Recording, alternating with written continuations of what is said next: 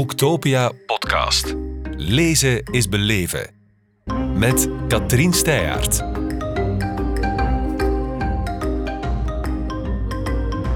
Welkom, Lara Wierenga, Dirma Jansen. Dankjewel. Mooi in koor, fantastisch. Jullie zijn hier met een heel eh, indrukwekkend boek, Atlas van het Brein, uitgegeven bij Lano. Kunnen jullie mij kort vertellen wat jullie met hersenen hebben en waarom jullie het perfecte duo zijn om dit boek te maken? Ja, uh, ik denk dat jij het best kan beginnen. Ja, ik ben uh, neurowetenschapper aan de Universiteit Leiden. Uh, en uh, ja, ik ben eigenlijk altijd al gefascineerd door de hersenen. Dus daarom ben ik dat ook gaan bestuderen. En ja, mijn vakgebied is gewoon, het is een heel bijzonder vakgebied, omdat je, je draagt je hersenen eigenlijk altijd bij je. En over alle organen in het lichaam weten we ontzettend veel. Maar over de hersenen is nog ontzettend veel onbekend. En het is als wetenschapper een hele bijzondere tijd om nu hier onderzoek naar te doen, omdat er nu ontzettend veel ontdekt wordt.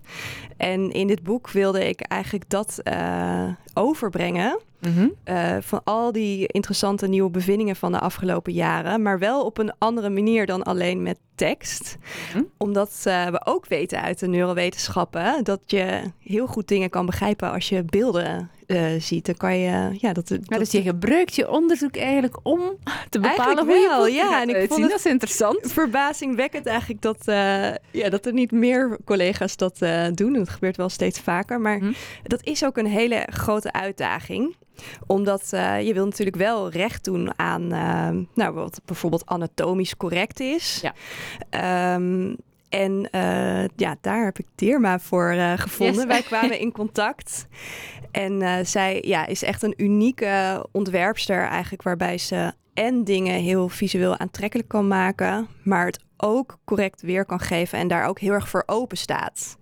Uh, dus ik kan echt, uh, ik mag echt uh, 20, 50 keer naar haar teruggaan met er moet hier nog even een Dit blokje of op een andere plek. En dan, ja, dan gaat ze daar gewoon voor. En dus dat is echt fantastisch. Jij was niet afgeschrikt, Dirma, door het meest complexe orgaan van ons hele lichaam.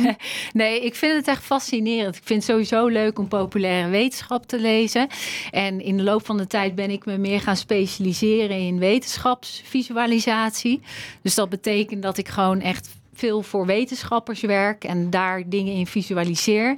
En ja, dat noemen ze vaak infographics, maar dat kan ook iets anders zijn. Dus ik ben wel gewend om, om met complexe dingen. En er zit, ja, er moet altijd natuurlijk een nuance in zitten. Dus dat is heel belangrijk. En het is ook dan, weet je, dan is het ook belangrijk om ook gewoon uh, teksten bij te hebben. Het is niet altijd zo dat bijvoorbeeld een infographic dat daar zo min mogelijk tekst bij staat, maar het moet gewoon goed kunnen communiceren. Het moet helder zijn. En ik vind het heel erg leuk om daar verschillende vormen voor te vinden. En het was juist leuk om met Lara, weet je wel, dat je zo'n lang project hebt en dat je gewoon samen kunt bedenken van, oh ja, dan kunnen we hier, kunnen we dit voor doen. Oh, hier moeten we een infographic van. En uh, ja, dat is gewoon, uh, was gewoon echt een ontdekkingstocht. Ik uh, vind dat fascinerend. Ja, ja, ja. ja je schrijft, ja. ja, we gebruiken nu het hippe woord uh, infographics, maar ja. eigenlijk schrijven we ons in in een langere traditie. Want Vesalius deed het ook al, lees ik. Die haalde ook al de beste kunstenaars naar zich toe om zijn bevindingen letterlijk te verbeelden. Dus, ja, klopt. Ik denk dat daar in de laatste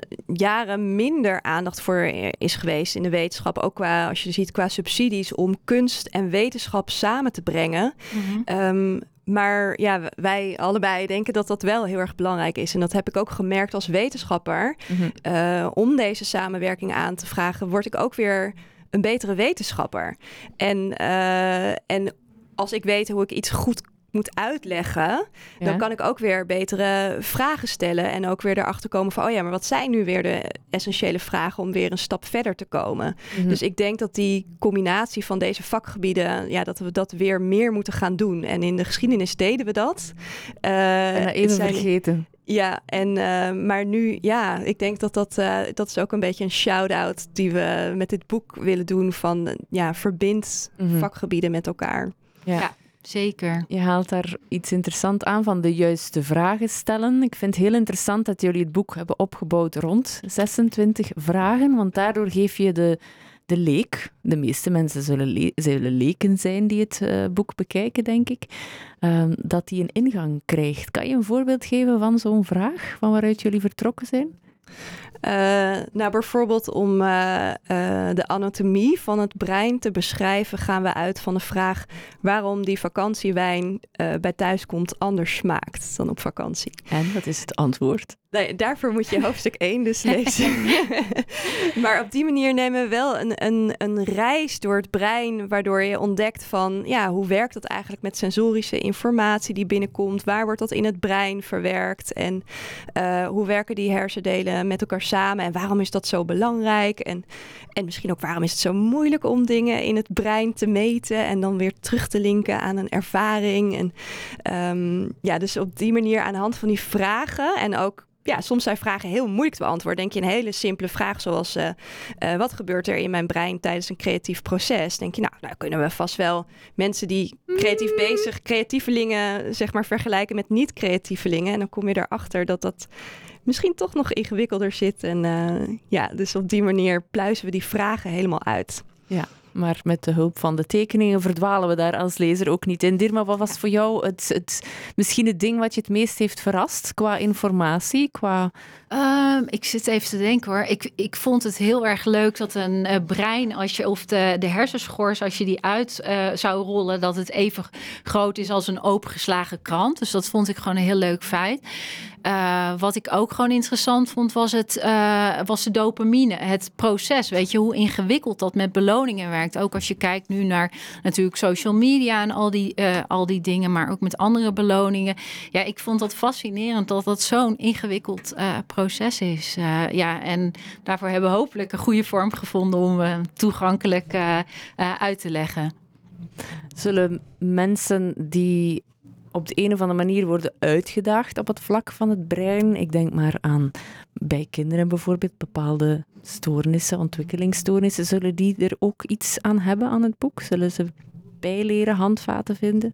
Ja, we hopen dat, uh, ja, dat mensen door het brein beter te begrijpen ook zichzelf beter leren begrijpen. Mm -hmm. uh, dus ik hoop wel dat mensen daar iets aan hebben. Zeker om uh, belangrijke processen in het brein te begrijpen en dat voor je te zien. En ja, denk ook dus inderdaad, als je dat voor je ziet, hoe gaat het nou precies in mijn brein? Hoe verwerk ik nou prikkels? En als je dat weet, dan kan je daar misschien ook op een andere manier mee omgaan.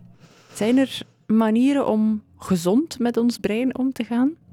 Nou, we hebben in het laatste hoofdstuk gaan we wel meer in van hoe kan je op de vraag in hoe kan je een stimulerende omgeving voor je brein uh, creëren.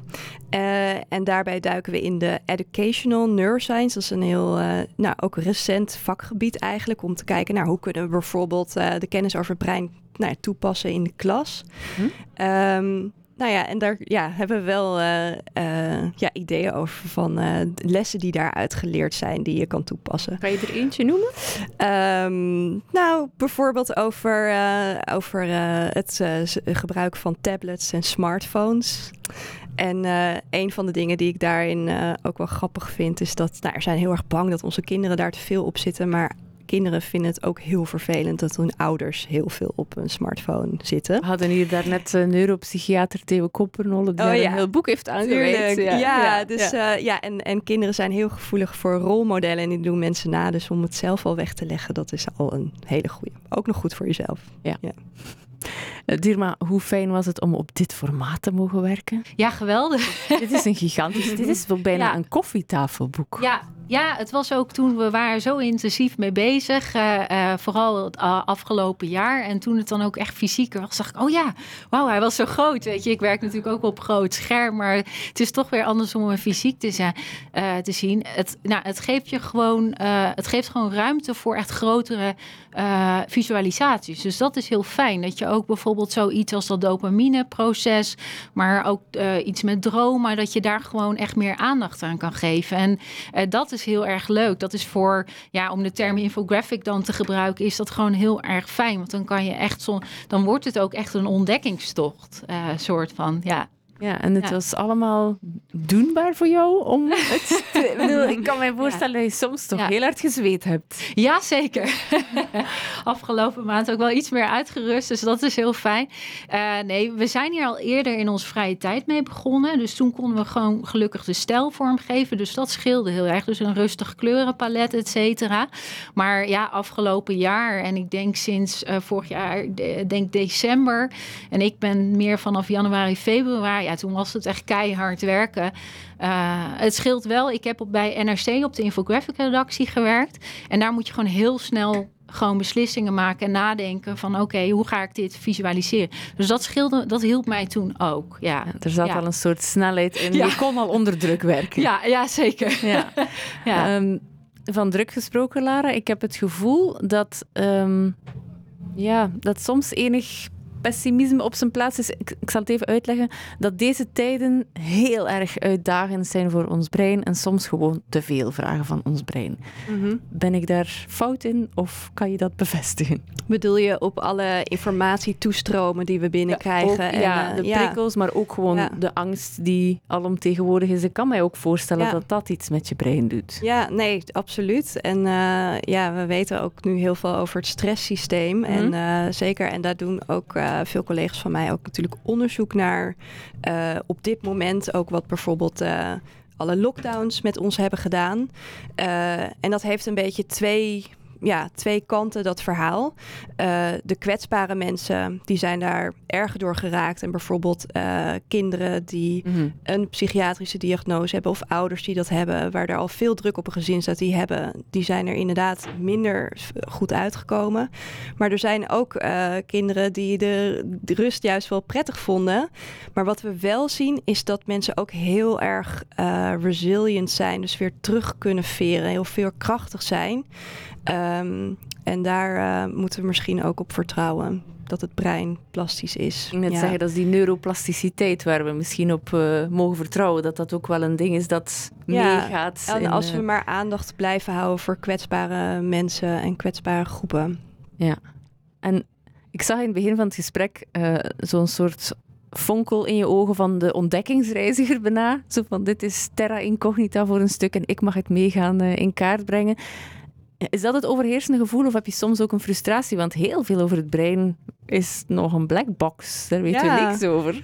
Nee, ja, voor mij is het juist heel erg. eh, ja, ik, ik word daar helemaal. eh, ik vind het heel spannend en helemaal geweldig om daar eh, nu mee bezig te zijn. Omdat we zoveel meer bijvoorbeeld ontwikkelingen zijn in nieuwe technieken. Waardoor in één Hm. keer dingen kunnen bekijken die we eerst niet konden bekijken. En bijvoorbeeld het. Echt, nu moeten we in de eh, wetenschap beter met elkaar gaan samenwerken over al die verschillende vakgebieden heen. En Hm. eh, verbinding maken tussen wat we weten op het celniveau, op dat hele kleine, tot wat we weten ehm, ja, op die gro- dat grotere niveau van hersennetwerken. Dus er liggen nog heel veel uitdagingen voor ons. eh, en nog heel veel te halen, denk ik daar. Ja, Er is nog veel werk voor jullie beiden. Zeker. Ja. Dir, maar wat wordt het volgende project, denk je? Kom- Nou, ik vind technologie heel erg interessant. Dat heb ik al sinds ik ben afgestudeerd aan de kunstacademie. En toen studeerde ik af met een project dat heette de ontdekking van de website. En dat legt, probeerde een website uit te leggen van de voor- en de achterzijde. En ik vind verder nu, je ziet natuurlijk de technologische ontwikkelingen gaan de afgelopen 50 jaar. En vooral de afgelopen 10 jaar met de smartphone enorm Hm. snel. Eh, ik vind het interessant om daar ook meer eh, visualisatie in te maken. En dan niet alleen op plat vlak, maar ook misschien Weet je, ook om mensen meer bewust te maken van al die technologieën. Van ja, bijvoorbeeld, wat is kunstmatige intelligentie? Hoe werkt dat, weet je wel? En eh, dus, eh, dus dat is ook een eh, hele, hele wereld weer. Dus ik denk dat het iets in die richting wordt. eh. Ja, ja. Maar Ja. geen druk, want stress is slecht voor je hersenen. en wij zijn nog wel even zoet met die atlas van Ja. het brein. Dus heel erg bedankt, Lara Wieringa en Dirma Jansen. Dank je wel. Dankjewel. Jij ook bedankt. Boektopia podcast. Lezen is beleven. Beluister ook de andere podcasts live opgenomen op Boektopia 2022. Nu via je favoriete podcast-app.